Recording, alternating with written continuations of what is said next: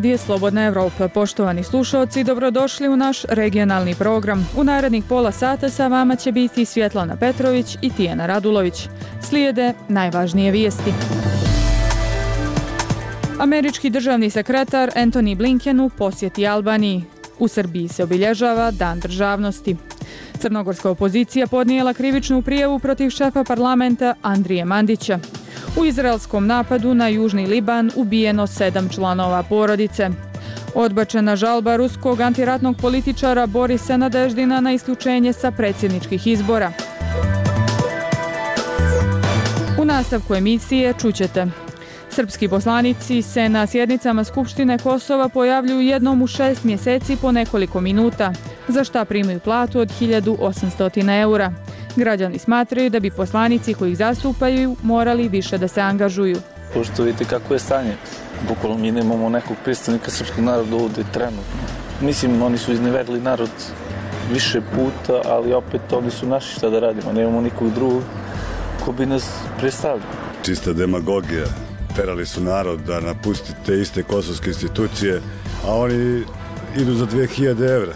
Lepa to stvar, sve pogrbači naroda. Međunarodni je dan djece oboljele od malignih bolesti. Suada je majka oboljele djevojčice koja se ne bori samo protiv bolesti, već ponekad i protiv sistema. Država kao država bi trebala da koliko toliko priušti financijski i moralno podršku oboljelim, da se ne ostimo da smo sami u tome. Slušate radio Slobodna Evropa. Američki državni sekretar Antony Blinken tokom svoje prve zvanične posjete Albaniji zahvalio je toj državi na partnerstvu. On je rekao da je tokom svog mandata na čelu američke diplomatije u premijeru Albanije Ediju Rami našao pouzdanog partnera, istakavši da visoko cijeni veze američkog i albanskog naroda. Blinken je Albaniji zahvalio i za utočište za skoro 2500 Afganistanaca koji su pobjegli svoje zemlje nakon povratka Talibana na vlast u avgustu 2000. 2020. Premijer Albanije Edi Rama rekao je ranije da Blinkenov dolazak u Tiranu pokazuje da se albanska država u svom međunarodnom pozicioniranju podigla na viši nivo. Ministar vanjskih poslova Igli Hasani rekao je da će strateško partnerstvo Albanije sa SAD-om nastaviti da raste. Prema navodima američkog State Departmenta, fokus Blinkenove posjete bit će na budućnosti Albanije i regiona. Posjetu američkog šefa diplomatije stručnjaci ocjenjuju kao istorijsku i od velikog značaja za cijeli Zapadni Balkan.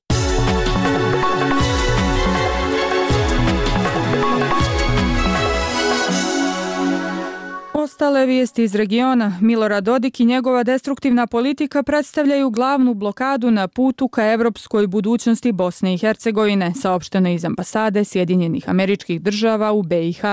Oni su na društvenoj mreži X kazali da dijela predsjednika Republike Srpske ne odražavaju stvarnu posvećenost Evropskoj uniji. Milorad Dodik tvrdi da je on spreman za Evropsku uniju, ali njegovo prihvatanje Vladimira Putina i brutalne invazije Rusije na Ukrajinu – njegova antidejtonska retorika i djelovanje, te njegovi napadi na državne institucije, potrebne da bi usmjerile Bosnu i Hercegovinu u njenim euroatlantskim integracijama, osporavaju tu tvrdnju.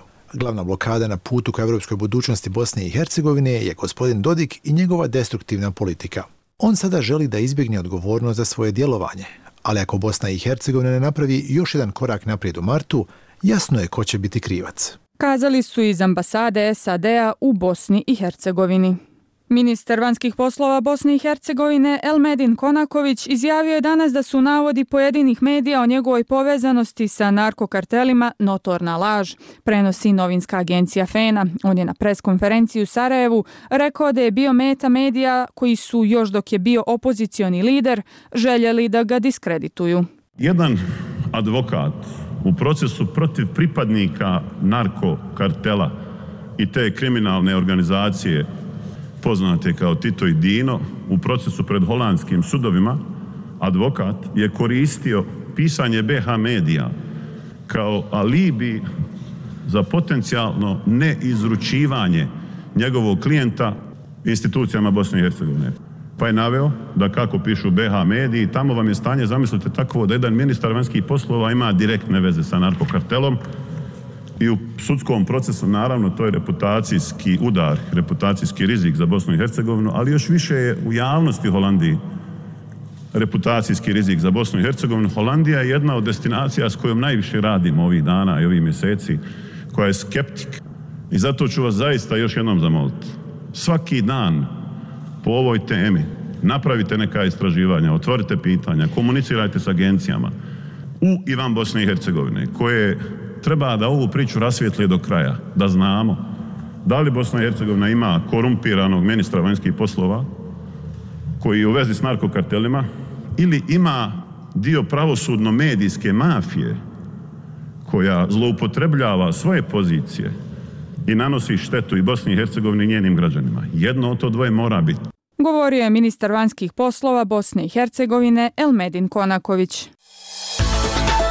Slušate regionalni program Radija Slobodna Evropa. Opština Pljevlja je svečanom akademijom obilježila nacionalni praznik i istorijske datume kojima susjedna Srbija slavi Dan državnosti. 15. i 16. februara. Na skupu u Pljeveljskom centru za kulturu je intonirana zvanična himna Srbije Bože pravde, a povod održavanja je 220 godina prvog srpskog ustanka i 189 godina od proglašenja prvog ustava u Srbiji.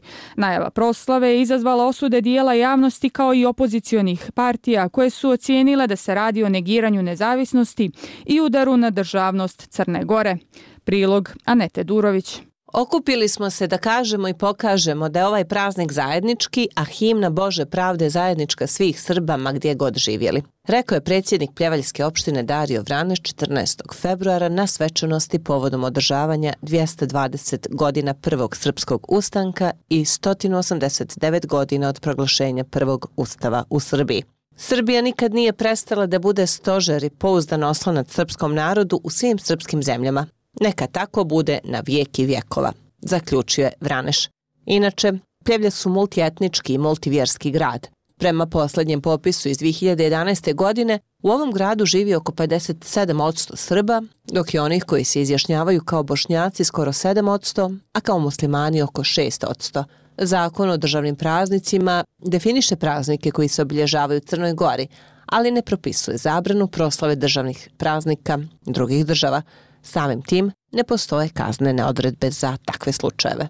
Obilježavanje Dana državnosti Srbije u pljevljima je nepoštovanje prema državi Crnoj Gori, njenim simbolima i građanima, ocijenio je za Radio Slobodna Evropa pravnik Veselin Radulović ovaj zakon o, o državnim praznicima jasno utvrđuje koji su to državni praznici koji se praznuju u Crnoj Gori i to bi trebalo e, poštovati. Međutim, to, to je odredbi nedostaje taj drugi dio, odnosno sankcije u slučaju kršenja e, tih odredbi. Dakle, ako neki javni funkcioner e, E, bilo kog organa ne proslavlja te državne praznike, već proslavlja kao u ovom je praznike druge države ili bilo koje koji nisu, koji nisu ovaj, propisani zakonom. Nesporno je da krši zakon, međutim u istom, istom tom zakonu ne postoje te prekršajne odredbe. Smatra da se to mora mijenjati. E, to mislim da bi trebalo prvenstveno u tom dilu dopuniti, a moje lično mišljenje da vezano za određena ponašanja javnih funkcionera koja su evo svakodnevno rekao bih aktuelna, treba razmisliti u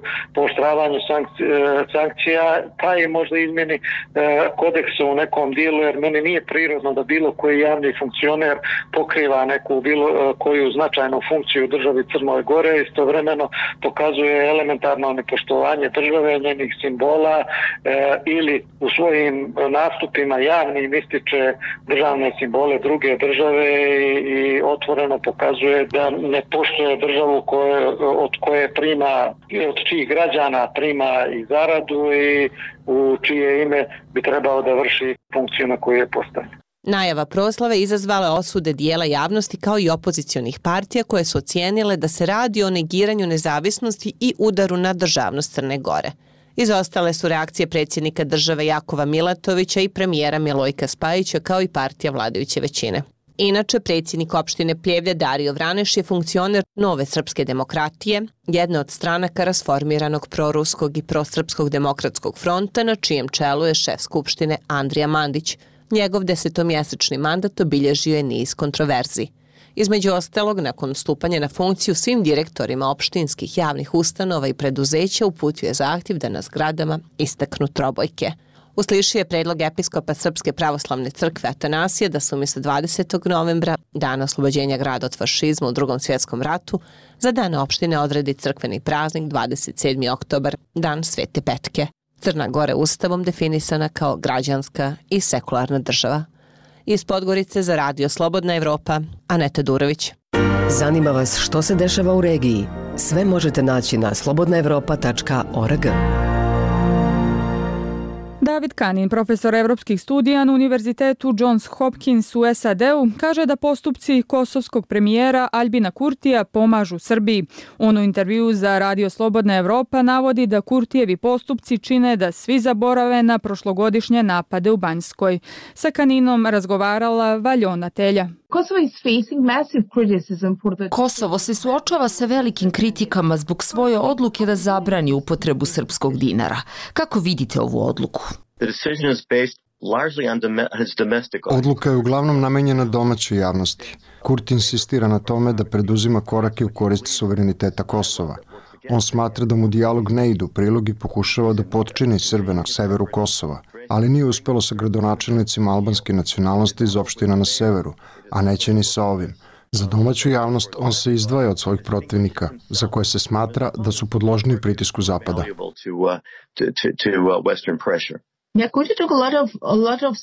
Kurt je preduzeo mnoge korake bez podrške saveznika. Zašto? To ima veze sa unutrašnjom politikom. Ona se razlikuje od svojih protivnika. Delimično je i ljut jer smatra da Zapad deluje protiv interesa Kosova, sa takozvanim dijalogom koji vode Evropljani, sa francusko-nemačkim planom koji smo zaboravili, jer Amerikanci i Evropljani nisu uspeli da postignu njegovu implementaciju. Dakle, ovo se poklapa sa Kurtijevim gnevom na ono što on veruje da je pogrešna međunarodna politika. With what he believes is misguided international policies. Pomoćnik američkog državnog sekretara James O'Brien je naveo nekoliko mera koje prema njegovim rečima Srbija preduzela nakon incidenta u Banjskoj, među kojima je i smena šefa bezbednostno informativne agencije. Kako to tumačite? Mislim da predsjednik Srbije Aleksandar Vučić nije zadovoljan onim što se desilo u Banjskoj. Ostavkom bivšeg šefa bezbednostne informativne službe Aleksandra Vulina i još nekim promenama, mislim da Vučić pokušava da očisti svoj teren, tiho i postepeno, jer mu se Banjska zaista pretvorila u prepreku. Kurtijevi postupci, kako po pitanju gradonačelnika, tako i oko odluke o dinaru, pomažu Srbiji da zaboravi na Banjsku. Uh, get everybody to forget about Banjska. How do you foresee the situation evolving between Kosovo and Serbia? Kako vidite razvoj situacije između Kosova i Srbije? I think that now the Serbs are in a position of advantage. Mislim da je Srbija sada u povoljnoj poziciji jer Kurti neće moći da spreči ulazak dinara na Kosovo. Kurti pokušava da ubedi komercijalne banke da mu pomognu da naprave nekakav dogovor po kome dinari neće ulaziti ili će se na neki način kontrolisati. Ali bit će mu teško da ubedi banke da ga podrže, kao i da ima više saradnje sa finanskim institucijama, jer je jasno da su zapadne vlade protiv toga. Srbi će neformalno moći da primaju dinare na Kosovu, šta god Kurti uradio. Dakle, bit će velikih problema u sprovođenju ove odluke. Čuli ste profesora Davida Kanina u razgovoru sa Valjonom Teljom. Jednom u šest mjeseci deset srpskih poslanika se na nekoliko minuta pojavi na sjednici Skupštine Kosova kako im mandati ne bi bili oduzeti zbog neučestvovanja, a onda ustanu i napuste salu. I nema ih narednih šest mjeseci. Posljednji put su se u Skupštini na kratko pojavili 8. februara. Od tih deset poslaničkih mjesta koliko Ustav Kosova garantuje srpskoj zajednici, devet je u rukama srpske liste, najveće stranke Srba na Kosovu, koja ima podršku zvaničnog Beograda. Deseti poslanik djeluje kao samostalni, ali je ipak član parlamentarne grupe Srpska lista. Više u prilogu Sandra Cvetković. Srpski poslanici za pojavljivanje na sednicama Skupštine Kosova na svakih šest meseci po par minuta primaju poslaničku platu od oko 1800 eura. To znači da se iz budžeta Kosova za ove poslanike izdvaja oko 200.000 eura na godišnjem nivou. Ovi poslanici Srpske liste su sredinom novembra 2022. godine preuzeli mandate desetak dana nakon što su njihovi prethodnici dali ostavke u okviru istupanja Srba iz kosovskih institucija na severu u znak protivljenja odlučenja odluci vlade Kosova o preregistraciji vozila sa srpskih na kosovske tablice. Većina pripadnika srpske zajednice severno i južno od reke Ibar sa kojima je ekipa Radija Slobodna Evropa razgovarala, kažu da bi srpski poslanici u ovom trenutku morali više da se angažuju, aludirajući na trenutno stanje kada se ukida srpski dinar i zatvaraju privremeni opštinski organi koji rade u sistemu Srbije, a koje Kosovo smatra ilegalnim. Za radio Slobodna Evropa govore Marko iz Severne Mitrovice, Slobodan iz Leposavića i Milan iz Gračanice. Pošto vidite kako je stanje, bukvalno mi nemamo nekog predstavnika srpskog naroda ovde trenutno. Svi su, mislim, oni su izneverili narod više puta, ali opet oni su naši šta da radimo. Nemamo nikog drugog ko bi nas predstavljao. Čista demagogija. Terali su narod da napusti te iste kosovske institucije, a oni idu za 2000 evra lepa to stvar, sve pogrbači narodom. S obzirom na okolnosti pod kojima živi srpski narod ovdje ne treba ni da učestvuju u Skupštini Kosova. Uzaludno primaju te plate, pune svoje budžete, a ovaj ne učestvuju u šest meseci, ne vide se ni jedan dan u Skupštini. Većina poslanika Srpske liste, pored mandata u Skupštini Kosova, imaju i pozicije u institucijama Srbije, a samim tim i dupla primanja, Primjera radi poslanik Milan Joksimović je i predsjednik privremenog opštinskog organa Lipljan koji radi u sistemu Srbije. Joksimović je novembra 2022. u ime srpskih poslanika rekao kako je njihovo preuzimanje mandata bio politički čin, koji ne znači da će aktivno učestvovati u radu Skupštine. Radio Slobodna Evropa je pokušao da dobije izjavu od Joksimovića, ali bezuspešno.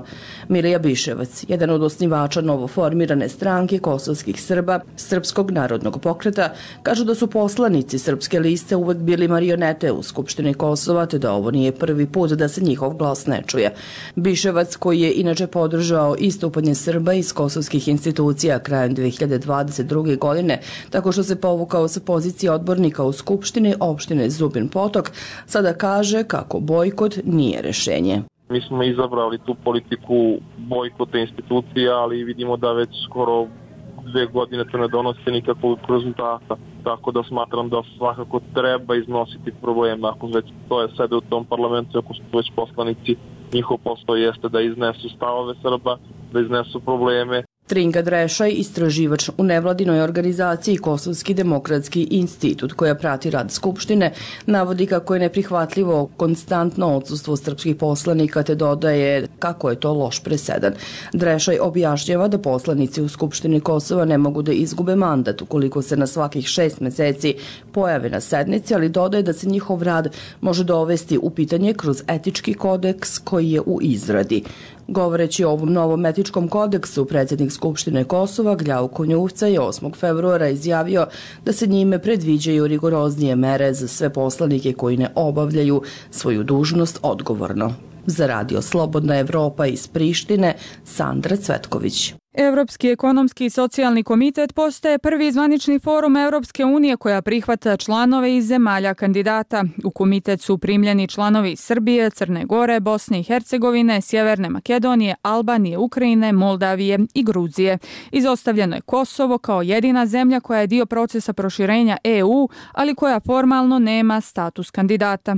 Članovi Evropskog ekonomskog socijalnog komiteta koji dolaze iz zemalja kandidata aktivno će učestvovati u radu tog foruma ravnopravno sa svojim kolegama iz zemalja EU. Oni će imati savjetodavnu ulogu, ali ne i pravo glasa.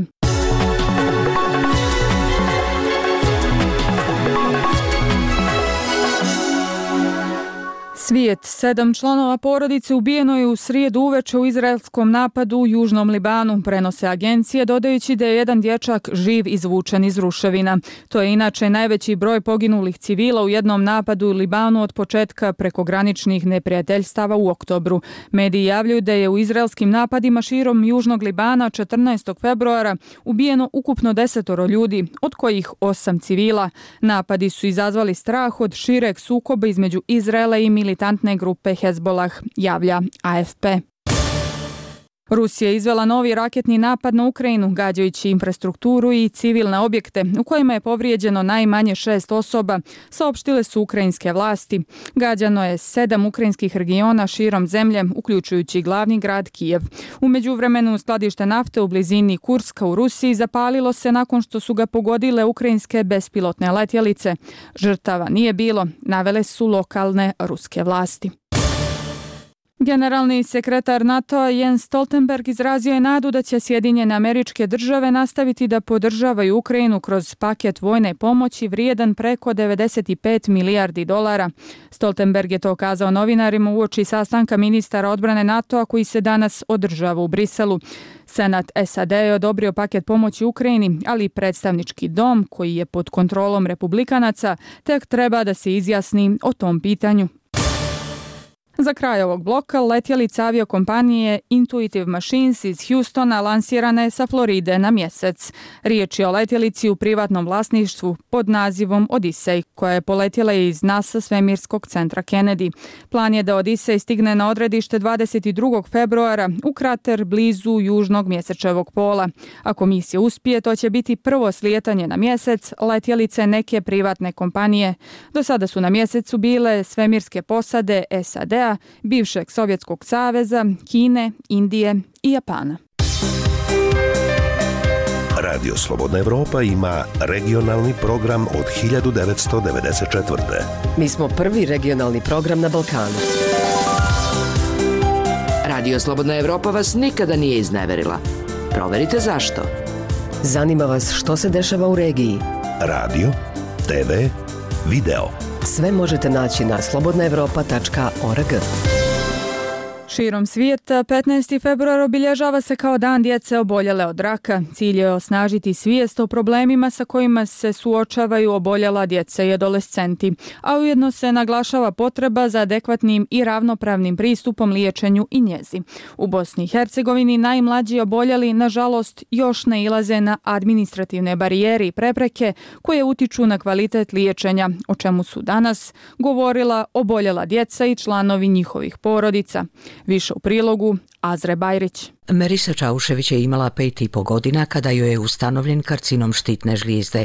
Danas ima 11 godina i dijagnozu još jednog karcinoma. Štitnu smo strane, onda je krenula tumor na mozgu, pa je onda fino krenulo, pa sam imala drugu operaciju, pa su radili pumpicu, pa je onda drugu valvulu. Sad te valvule oba dve rade, ali nama je problem kad smo e, stranili štitnu, meni je kalci počeo padat, ali dobro, sada smo to smirili. Bili smo u Turskoj, stranili smo tumor, pa smo bili dva mjeseca na radioterapijama. Merisa hrabro govori o svim problemima i izazovima koje su joj donijeli karcinomi, jer tako kaže želi osnažiti drugu djecu da ne odustaju, da budu jaka kao ona. Dosta snage treba i njenim roditeljima, jer se nisu borili samo protiv bolesti, već i sistema koji u Bosni i Hercegovini ne nudi mnogo opcija u boljeloj djeci. Majka Suada se prisjeća momenta kada je Merisa trebala na operaciju u Tursku. Mi smo bili odustali znači, od operacije, 21.000 eura je bila samo operacija. I onda naša učiteljica Enesa Miskić, cijeli kolektiv osnovne škole Liskovac, kažu da mi nećemo ići sami, kroz to pokreću apel, gdje mi nismo išli toliko ni javno i da smo mi mogli otići na tu operaciju. I onda poslije toga opet dobivamo predračun od 18.000 eura za kemoterapije i zračenje. Merisa je trenutno suočena sa novim problemima, ponovo treba ljekarima, a mama Suada kaže da ne mogu dobiti ni osiguran prijevoz do 350 km udaljenog Sarajeva. Sad ima opet poslije toga svega ima fleku na mozgu neku i ima atrofiju mozga od, od zračenja, znači gdje je to oštetilo mozak, gdje je ona dobila ponovno tremor ruku, gdje to joj jako teško pada pošto u školi e, sporije piše, sporije reagira i to sve. Država kao država bi trebala da od koliko toliko priušti financijski i moralno podršku oboljelim, da se ne ostimo da smo sami u tome. Upravo Međunarodni dan djece oboljele od karcinoma promoviše potrebu boljeg razumijevanja izazova sa kojima se suočavaju djeca i njihove porodice. U Unsko-Sanskom kantonu su danas članice tima Volim život, čiji je Merisa najmlađi član, organizirale prigodnu šetnju u Cazinu, a u Velikoj Kladuši je udruženje Sutraj Novi dan organiziralo akciju doniranja kose za djecu oboljelu od karcinoma. Za Radio Slobodna Evropa, Azra Bajrić. Osim geografskog položaja, grijanja na čvrsta goriva i saobraćaja, zagađenosti Sarajeva doprinose i visoke zgrade, posebno one izgrađene uz glavne koridore za provjetravanje grada u Kotlini, rijeku Miljacku i glavnu cestu, upozoravaju stručnjaci. Kantonalna vlada najavljuje brojne projekte kojima će u narednih deset godina pokušati da riješe problem zagađenosti vazduha. Najavljuju ulaganja više od 300 miliona maraka. Šejla Ibrahimović. Visoke zgrade i naselja uz glavnu saobraćajnicu u Sarajevu, kao i tržni centre u središtu grada, prepreka su u prirodnom provjetravanju, kaže Enis Krećinić iz Federalnog hidrometeorološkog zavoda. Nešto što bi prije se očistilo u roku od 48 sati, sad mu sigurno treba 72 sata ili više.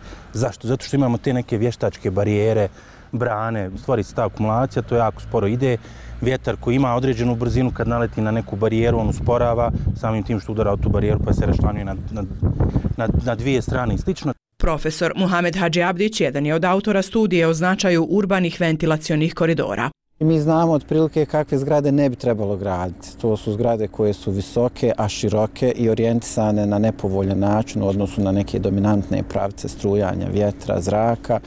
Onaj Sarajevo Tower pored hitne pomoći je vjerovatno neki školski primjer šta se ne bi smjelo raditi u gradovima poput Sarajeva. Um, SCC isto nije dobar primjer, on je isto na dosta nezgodnom mjestu. Primarni zračni koridori u Sarajevu su tok rijeke Miljacke i glavna cesta uz koje ne bi trebalo graditi visoke zgrade. Stoji to i u zelenom akcijnom planu kantona Sarajevo izrađenom u aprilu 2021. godine. Među mjerama za smanjenje zagađenosti je i ozelenjavanje površina na više lokacija. Na nekim od njih su parkinzi, zelenila još uvijek nema. Sve je to rezultat nestručnosti, kaže arhitekta Hasan Đemalović. To je ova slika naše želje da se približimo Dubaju i, i ovim, a ne Parizu i Berlinu, razumijete? Ne kulturi, nego novoj civilizaciji. U kantonalnoj vladi navodi da su u toku različiti projekti kojima pokušavaju riješiti problem zagađenosti Sarajeva. Nedavno usvojeni nacrt urbanističkog plana koji čeka potvrdu kantonalne skupštine tretira i pitanje vjetrokoridora, to jest uticaja visokih građevina na kvalitet zraka. Također, vlada nastavlja ulagati u saobraćajnu infrastrukturu, ograničava upotrebu čvrstih goriva te planira masovniju zamjenu individualnih ložišta. No sve to ne može biti riješeno preko noći, navodi premijer Nihad Uk. Ukoliko krenemo u ovu, a mi ozbiljno smo krenuli, dakle, usvajanje ove strategije, deset godina je predviđeno da se e, procentualno reducira broj e, tih individualnih ložišta i na taj način se može pratiti e, realizacija e, same strategije i smanjenja zagađenosti u, u našem gradu. Najavljeni projekti finansirat će se kreditnim sredstvima, kaže premijer. Jeste, dižemo kredite, ali ta, te kredite ulažemo u investicije, dakle, taj nijedan kredit nije odšao za isplate e, naknada, nekih e, plata i tako dalje. Iz Zavoda za planiranje kantona Sarajevo navode da su u urbanističkim planovima definisali pravila za izgradnju. Detektovali su da negativan uticaj na zrak imaju objekti sa velikom površinom fasade, te da zgrade visoke spratnosti mogu imati i pozitivan uticaj na strujanje zraka, navodeći primjer Twist Towera. Profesor Hadži Abdić kaže da se gradnja ne može zabraniti. Međutim, kad se gradi, treba raditi to na način da se smanji taj negativni utjecaj. On nikad ne može biti potpuno eliminiran. To je naprosto tako. Svaki objekat koji se nalazi na zemlji stvara otpor strujanja, ovaj, što je nepovoljno, ali mi moramo graditi, ali moramo graditi pametno. Neophodno je, smatra profesor, ograničiti gradnju na zračnim koridorima i ozelenjavati površine. Napominje da i u slučaju da se odmah preduzmu konkretni koraci, bit će potrebno nekoliko godina da Sarajevo prodiše. Za Radio Slobodna Evropa iz Sarajeva, Šejla Ibrahimović.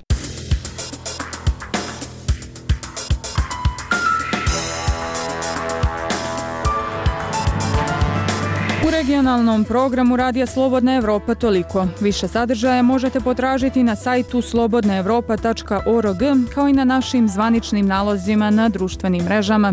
Na pažnji zahvaljuju Svjetlana Petrović i Tijana Radulović.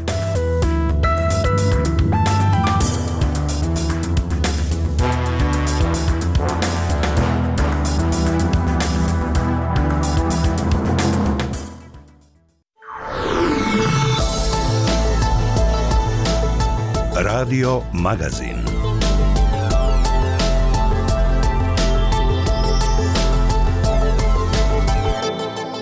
Poštovani slušalci, tema najnovijeg mosta Radija Slobodna Evropa bila je značaj muslimansko-jevrejske mirovne inicijative koja je nedavno upućena iz Srebrenice na dan sjećanja na žrtve holokausta. Inicijativu su potpisali Husein Kavazović, rejcu Lema Islamske zajednice u Bosni i Hercegovini i Menahem Rosensaft, visoki zvaničnik Svjetskog jevrejskog kongresa. Sagovornici su bili Jakob Finci, predsjednik jevrejske zajednice u Bosni i Hercegovini i Muhamed Jusić, islamski teolog i direktor uprave za vanjske poslove Rijaseta Islamske zajednice. Bilo je riječ o tome kako je nastala inicijativa o sudbini jevreja koji su protjerani iz Španije prije pet vijekova i stigli u Bosnu i Hercegovinu, o zajedničkom životu bosanskih muslimana i jevreja, kako su se mješale kulture i običaj, kako su pomagali jedni drugima u vremenima krize i ratova, kako je u drugom svjetskom ratu prijatelj musliman spasio život ocu Jakoba Fincija. Razgovaralo se i o tome koliko jevrejsku i muslimansku zajednicu vezuje strašno iskustvo holokausta i genocida, kakav je odjek u svijetu imala muslimansko-jevrejska mirovna inicijativa, kako su na nju reagovali građani, da li će se inicijativi pridružiti i druge religijske zajednice i zašto je Bosna i Hercegovina pravo mjesto za mirovnu inicijativu u današnjem vremenu ratova i teškog stradanja civila. Most je pripremio Omer Karabek. Most Radija Slobodna Evropa. Dialogom do rješenja. U današnjem mostu razgovarat ćemo o značaju muslimansko-jebrejske mirovne inicijative koja je 27. januara na dan sjećanja na žrtve holokausta upućena iz Srebrenice. Inicijativu su potpisali Husein Kavazović, rejs Ululema Islamske zajednice u Bosni i Hercegovini i Menahem Rosensaft, visoki zvaničnik Svjetskog jevrejskog kongresa.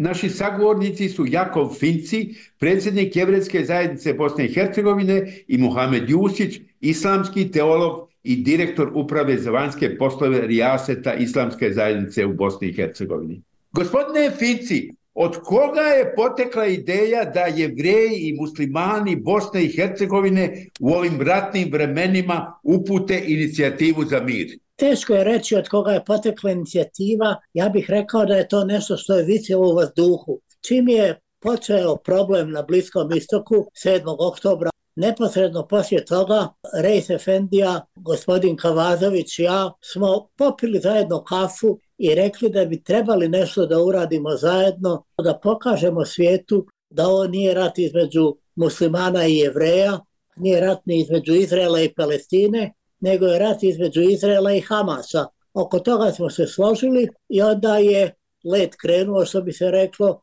približavali smo se 27. januaru, jer smo dva mjeseca o tome razgovarali i mislim da možemo da zahvalimo i ljudima iz Srebrnice što je ovaj brod krenuo i što smo napravili izjavu zajedničku koja pokazuje da se može zajedno, da je potrebno samo malo dobre volje i da je to način na koji je Bosna i Hercegovina preživjela 500 godina, a ako izuzmemo par incidenata u drugom svjetskom ratu i u ovom posljednjem ratu, kada smo jedni druge ubijali, ne mislim na jevreje i muslimane, nego na narode koji žive u Bosni i Hercegovini, sve ostalo je bilo da živimo zajedno, da živimo u miru, da se pomažemo, poštujemo i na taj način izgradimo Bosnu i Hercegovinu. Ovo pokazuje i dokazuje da su muslimani i jevreji živjeći zajedno još davno u Andaluzu prije nego što su zajedno bili istjerani iz Španije od strane katoličkih vladara, onda su jevreji došli u Sarajevo, zajednica je formirana 1565. godine, a kad smo došli ovdje, našli smo muslimane, ljude s kojima smo navikli živjeti i s kojima smo nastavili da živimo zajedno. Gospodine Jusiću, zašto su jevreji prognani iz Španije našli utočište baš u Bosni i Hercegovini?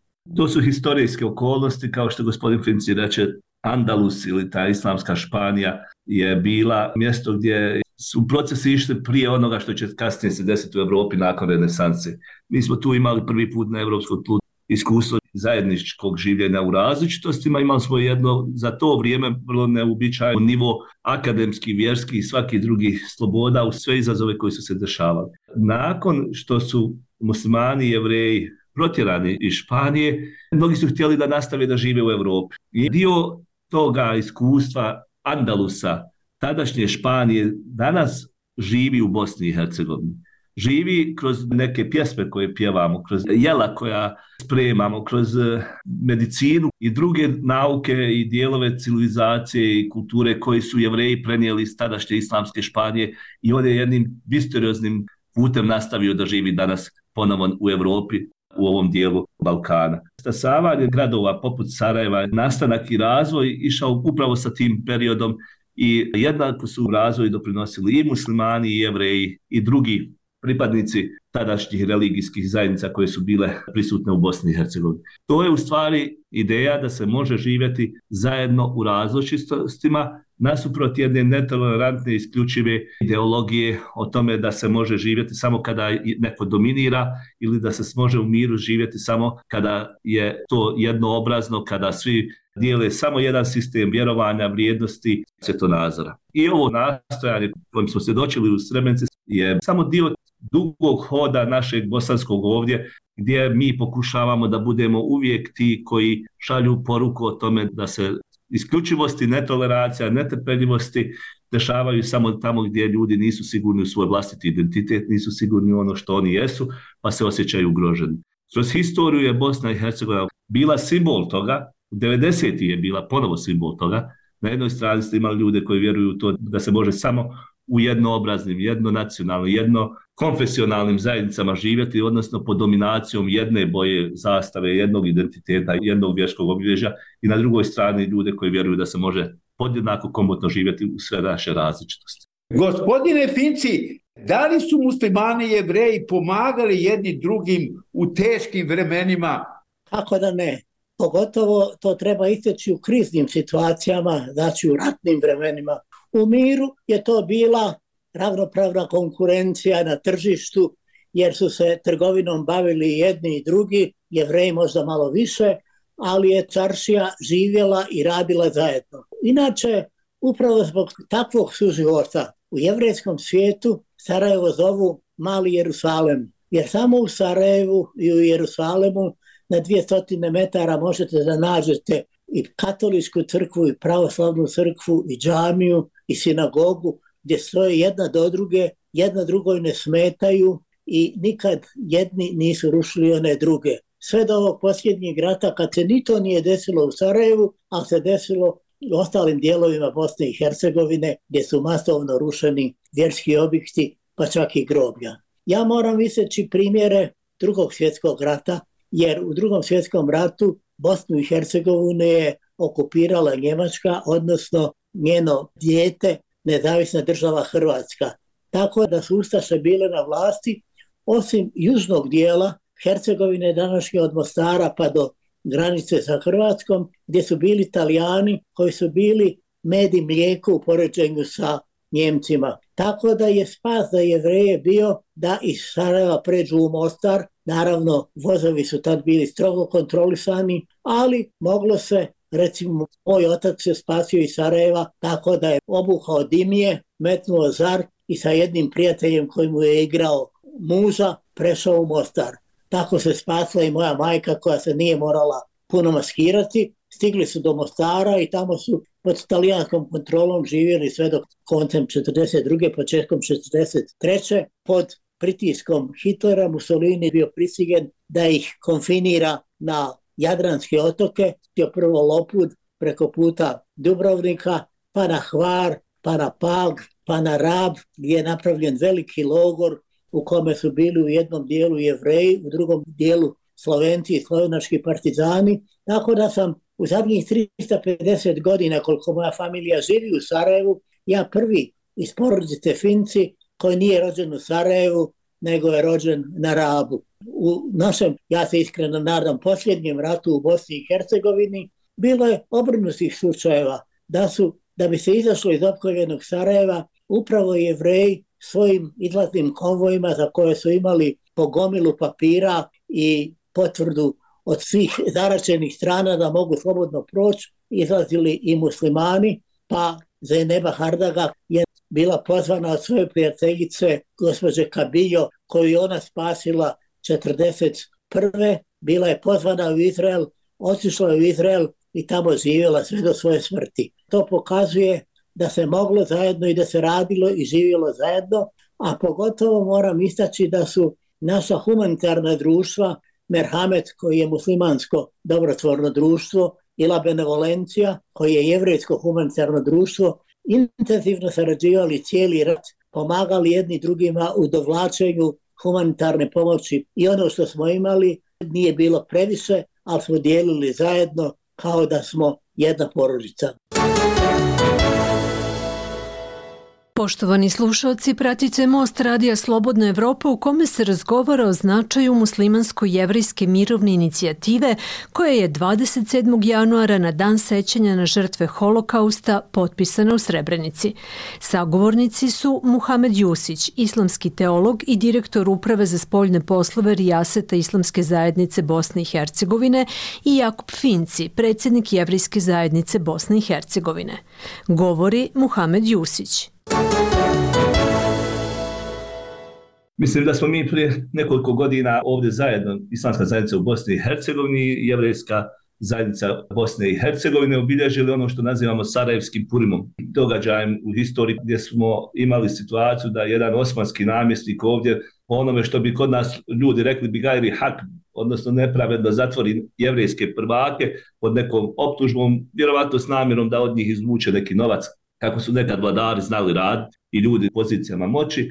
I onda smo imali situaciju da muslimani u Osmanskoj carevini bošnjaci protestuju, izađu pred dvore namjesnika i pišu petice i na kraju dovedu do toga da on bude smijenjen. I takvih primjera dobrog komšijskog odnosa je Bosna puna. Ima vjerovatno puno više sitnih, malih, nikad neispričanih priča. Mi smo na to ponosni. Stvar je samo što uvijek možete historiju gledati od sukoba do sukoba ili od zla do zla i onda tako crtati sliku budućnosti.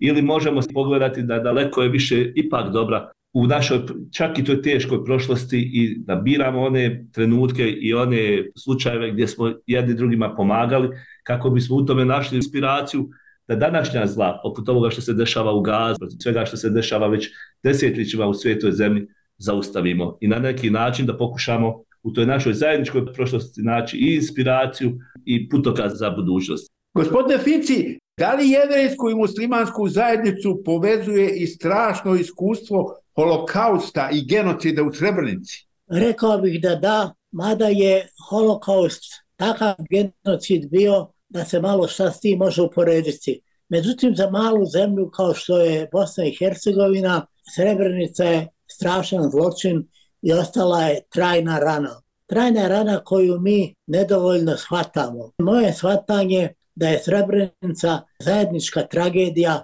svih nas u Bosni i Hercegovini. Naravno, u prvom redu tragedija Bošnjaka koji su bili pobijeni. Zatim tragedija Srba koji su učinili zločin. Zvali ga oni genocid ili veliki zločin, oni priznaju da su to učinili. I s treće strane tragedija Hrvata i svi u ostalih koji smo bili posmatrači i nismo mogli ništa da učinimo da se to spreči.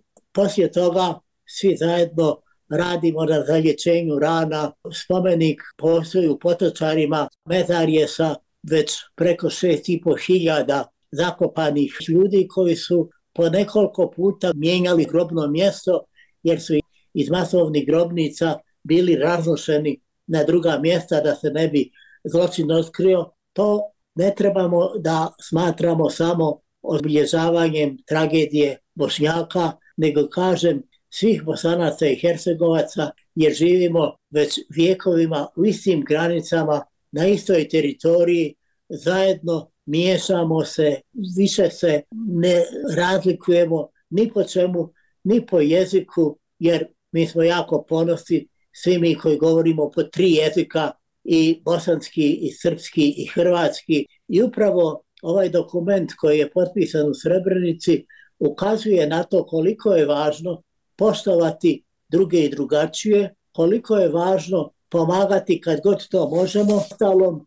i u našim svetim knjigama je napisano ko spasi jednog čovjeka kao da je spasio čovječanstvo u potpunosti. A to piše u svetom pismu i u Kuranu. Tako da jednostavno to je nešto čega se držimo i što smo evo sad ovog 27. januara dokazali. Ja se iskreno nadam da u budućnosti koja je pred nama neće više biti tih situacija da trebamo da pomognemo druge u nevolji, ali to ne znači da ne možemo da se pomažemo i u miru i da se borimo za istu poštenu i pravednu stvar za dobrobit svih ljudi koji ovdje žive. Gospodine Ljusiću, da li jevrejsku muslimansku zajednicu povezuju iskustva holokausta i genocida u Srebrenici? Naravno, mi se i ovom dokumentu kojeg su gospodin Rosen Safti Rejs Ulema Kavazović potpisali, spomenuli smo to, znamo kako je to kad smo narodi koji su imali pokušaje da je se istrebi na dijelu teritorije, što je genocid. Imamo to, nažalost, traumatično iskustvo, ali imamo, kažem, i ovo iskustvo brige jednih od drugima, te komšijske brige. Bilo da je to bilo u drugom svjetskom ratu kada smo imali muslimanske rezolucije koje su ne samo stajale u odbranu Roma, Jevreja i drugih koji su nacisti i fašisti proganjali, nego i susjeda srpske nacionalnosti koji su u nekim dijelovima Bosne i Hercegovine Hrvatske bili također izloženi sistematskim progonima. Nažalost, ne učimo iz prošlosti. Kao, kao ljudi, kao čovečanstvo, vjerske zajednice imaju to kolektivno pamćenje, imaju dublje kolektivno pamćenje. Ta iskustva i dobra i loša bi mogli iskoristiti da budućim generacijama pomognemo da ne ponavljaju iste greške, da budućim generacijama pomognemo da nauče i svijetli primjera, da im uzori budu oni koji su na takav način se odnosili prema svijetu i prema ljudima, a ne da se ovo sad što imamo u Bosni i Hercegovini veličaju ratni zločinci i podržavaju politike koje ne vjeruju u to da su slobodni dok god pored njih žive drugi i drugačiji. Ta paradigma svijeta se treba mijenjati, ona se ne treba mijenjati samo na Balkanu, mi vidimo da nam je Bliski istok sve bliži, mi vidimo da procesi koji se dešavaju u nekim evropskim zemljama i u Sjevernoj Americi idu isto u pravcu da pokazuju da su nam izazovi isti, da su to sukobi dva pogleda na svijet i da su to presudne, da ne kažemo bitke, ali sigurno ideološki sukobi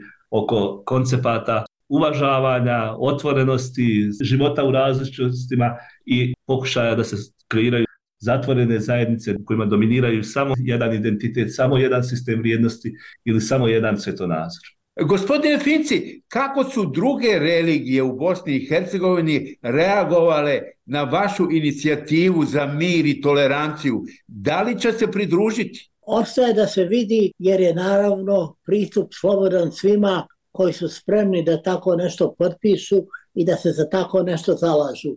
Mi imamo u Bosni i Hercegovini od eh, 1997. godine prošlog vijeka formirano međureligijsko vijeće u kome su četiri tradicionalne vjerske zajednice u našoj zemlji. Radi se naravno o islamskoj zajednici, srpskoj pravoslavnoj crkvi, katoličkoj crkvi i malo jevrejskoj zajednici koja je zbog svog tradicionalnog prisustva u Bosni i Hercegovini prihvaćena kao ravnopravan partner. Ovo međureligijsko vijeće je bilo jedno od prvih takvih vijeća koje je organizovano u svijetu uz pomoć svjetske organizacije Religija za mir. Mi smo bili prvi probni balon, da tako kažem, a sada već imamo preko 50 takvih međureligijskih vijeća u mnogim zemljama i negdje manje, negdje više uspješno rade. I kod nas s vremena vreme ima zastoja, ali to se uvijek prevazilazi i uvijek nastavljamo zajedno jer drugačije se rekao bih, u Bosni i Hercegovini ne može živjeti. Mi smo mala zemlja na brdovitom Balkanu, gotovo zemlja koju dobar broj ljudi u onim danima kada je Bosna nažalost bila non stop na televizijskim ekranima svih zemalja svijeta zbog rata u našoj zemlji i svi su naučili da postoji neka Bosna, ali ako im ponudite globus i kažete pokaži mi gdje je ta Bosna, pola njih neće znati gdje je. I upravo zbog toga sam jako zadovoljan što smo ovakvim putem krenuli i vjerujem da će ovo naići na razumijevanje svih do čijih ruku ovo dođe, a mislim da moramo biti zadovoljni što su i međunarodni mediji i svjetska štampa je pozdravila ovakav jedan akt, pisala o njemu, spominjala ga. Mislim da je to za početak dobro. Znate, djeluje kao ona mala gružica koju kad pustite nizvrdo na početku bude mala, ali kako se dalje kotrlja, tako raste, raste, tako će i ova naša ideja, nadam se, narasti i uspjeti da obuhvati sve one koji hoće i žele dobro, ne samo sebi, nego i drugima, pogotovo ljudima s kojima žive. Poštovani slušalci, pratite Most Radija Slobodna Evropa u kome se razgovara o značaju muslimansko-jevrejske mirovne inicijative koja je 27. januara na dan sećanja na žrtve holokausta potpisana u Srebrenici. Sagovornici su Jakub Finci, predsjednik Jevrejske zajednice Bosne i Hercegovine i Muhamed Jusić, islamski teolog i direktor Uprave za spoljne poslove Rijaseta Islamske zajednice Bosne i Hercegovine. Voditelj je Omer Karabek. Gospodine Jusiću, imate li informacije kako su druge religije u Bosni i Hercegovini reagovale na ovu vašu inicijativu? Ima li znakova da će se pridružiti? Ovo je prvenstveno zamišljena kao inicijativa Res Uleme i gospodina Rozensafta da ustanovimo principe o kojima će muslimanska i jevrijska zajednica komunicirati u kriznim situacijama. U ovoj inicijativi, u ovom dokumentu je prijedhodno više pisama koje su Resul Lema i profesor Rozensaft razmenjivali, dugo smo radili na ovim principima i ona jeste po svojoj dimenziji prvenstveno zamišljena da bude zavjet, da kažemo, muslimanske i jevrijski autoriteta vjerski, ali i drugih da mogu zajedno postaviti neke principe poput onoga da nam svaki život podjednako vrijedi, da ćemo i u najtežim situacijama, ako se sutra ne daj Bože bilo gdje na svijetu ponovi situacija u kojoj su ove dvije zajednice uključene, stati jedni uz druge kao što smo to radili kroz historiju. Da ćemo uvijek biti spremni da jedni drugima kao prijatelji kažemo kritiku i neslaganje ili možda različiti stav o nekim procesima koji se dešavaju u tim sukobima, ali da nikada nećemo jedni drugima zatvoriti vrata ili nikad jedni protiv drugih nećemo raditi. U tom smislu ona je prvenstveno zamišljena kao muslimansko-jevrijska. Ali ti principi su takvi da bi se mogao bilo ko pridružiti i da bi bilo koji pojedinac, čak i oni koji nisu religiozni, iz akademske zajednice i medijske, mogli biti s nama na ovom putu. Sasvim se slažem s ovim, jer mislim da radimo u istom smjeru sa željom da ovo se raširi kao neki virus i da uhvati sve one koji su stvarno vjerujući mi želimo da ljude koji su stvarno vjerujući da se priključe, da se ova ideja proširi i da svi koji žele dobro ljudima, ne samo svojim sunarodnicima i suvjernicima, nego svim ljudima da jednostavno se to proširi i postane jedno zajedničko dobro svi u nas. Gospodine Jusiću, koliko je vaša inicijativa značajna za Bosnu i Hercegovinu, jer čini mi se da u posljednje vrijeme ima više govora mržnje nego poziva na toleranciju. Situacija je takva da nam treba svaka poruka koja ohrabruje i koja ljude odvraća od ovoga trenda globalnog radikalizacije i polarizacije. A mi jesmo prijatno iznenađeni pozitivnom reakcijom globalnom koju je ova inicijativa stekla. Podjednako su vijesti bile na arapskom jeziku u zaljevskim zemljama, širom arapskog svijeta kao u Washington Postu, New York Timesu i svi drugi časopisi koji su to prenijeli. Reakcije koje smo dobili na mail, čak i ja od svojih prijatelja, poznanika iz čitavog svijeta, su nas ohrabrile da iako je ovo inicijativa koja je potekla ovdje od nas, iako je u Srebrenici pokrenuta, njen značaj daleko iznad ovoga bosansko-hercegovačkog. A u Bosni i Hercegovini bilo kakva pozitivna vijest da ode je uspje. Mi vidimo koliko se truda ulaže u to da se odavde šalje slika jednog društva, pa onda i države koja je neodrživa, o toj nekoj historijskoj mržnji o tome kako ljudi ne mogu živjeti. Mi znamo namjere onih koji to sistemski takav narativ proizvode, oni znaju da ne mogu podijeliti državu ako ne podijele društvo i zato rade sve da bilo kakvu polarizaciju iskoriste kako bi ovdje produbljivali krizu. Mislim da im taj naum vjerovatno u Božju pomoć neće proći. Međutim, ne treba sjediti pasivno, treba imati inicijativu i treba se takvim narativima suprostavljati. Trebamo tragati za onom zajedničkom riječu, za onim što nam je zajedničko i slati poruku da i Bosna i Hercegovina, ali i svijet je potreban ovakvih inicijativa. Gospodine Finci, koliko je inicijativa značajna za Bosnu i Hercegovinu? Ovo je pokušaj da se napravi nešto u dobrom smjeru i da se ponudi i ostalima u Bosni i Hercegovini koji nisu ni muslimani ni jevreji, nego su Srbi, Hrvati i svi ostali, da pokušamo nešto uraditi zajedno za dobrobit svi u nas. Imamo toliko primjera da smo pomažući jedni druge izašli iz najtežih nevolja. Jedino tako se može ići dalje. Ne vidim budućnost u daljim podjelama, podmetanja nogu i nadmetanja ko je bolji, ko je pravedniji, ko je pošteniji, ubjeđujući uvijek da su oni drugi puno loši, puno gori i da sve što nam ne valja, to je zbog njih, a ne koji puta i zbog nas. I upravo u tom smislu se nadam da će ova inicijativa koja je tek krenula naići na razumijevanje u svim e, dijelovima Bosne i Hercegovine, u svim etničkim skupinama. Mi ćemo 12. februara u parlamentu Bosne i Hercegovine imati jednu konferenciju sa međunarodnim učešćem i vjerskih lidera i parlamentaraca na kome ćemo govoriti o tome da se može zajedno i da trebamo ići dalje uvijek računajući na mir, na međusobno razumijevanje i međusobnu pomoć. Svi mi koji smo preživjeli barem jedan rat, vidjeli smo da osim rijetkima kojima je rat pomogao da se enormno obogate, svima je nanio zlo. Upropastio je čitav niz porodica, porodice su razbijene, izgubili smo najdraže, bilo roditelje, bilo djecu, bilo bračne i drugove, svi su iz ovog rata izašli kao gubitnici.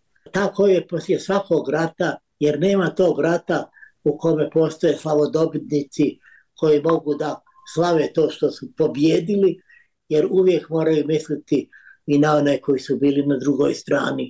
Koliko ćemo u tome uspjeti, zavisi naravno od nas i našeg angažovanja, ali zavisi i od svijeta koji treba da ima razumijevanje da u jednoj maloj zemlji, kao što je Bosna i Hercegovina, ako mogu da žive zajedno muslimani i jevreja i pomažu jedni druge, zašto to ne može da bude u svakoj evropskoj zemlji, u cijeloj Evropi, na cijelom svijetu, jer ne treba se ograničavati samo kako kažu na svoju avliju. U svojoj avliji se lako snađu.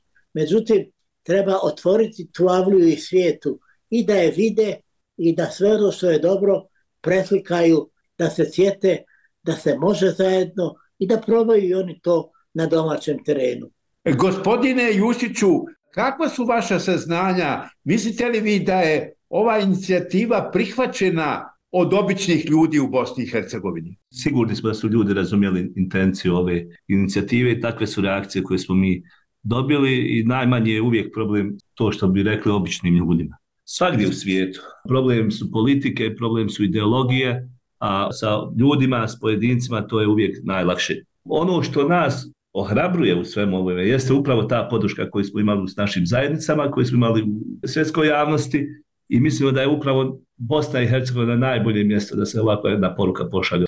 Upravo žrtve genocida, ratni stradanja i sukoba imaju najveće moralno pravo da ne samo svom okruženju, nego čitavom svijetu pošalju lekcije i poruke. Drago nam je da su vjerski lideri, da je Resul Lema, gospodin Kavacović, gospodin Finci i svi drugi, da su imali hrabrost da u vrlo teškim vremenima, kada se dešava to što se dešava u Gazi, nakon ove posljednje eskalacije nasilja u svetoj zemlji, da su smogli hrabrosti da izađu sa jednom inicijativom i da upravo posvjedoče da se u teškim situacijama prepoznaju lideri, da se u teškim situacijama prepoznaju oni koji su vizionari, koji ne kalkulišu kako polarizirati društvo, kako bi se na tome politički ili bilo kako drugačije profitiralo.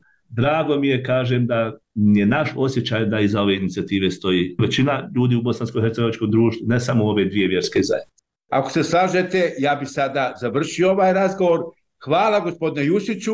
Hvala vama gospodine Karab. Hvala gospodine Finci.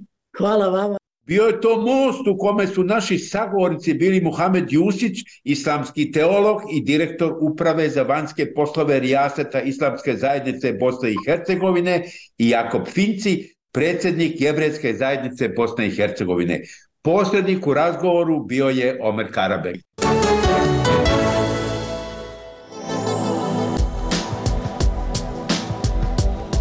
Bilo je to sve u ovom izdanju programa Radija Slobodna Evropa. Ostanite i dalje uz nas, pratite nas na našem sajtu kao i na društvenim mrežama. Do narednog slušanja.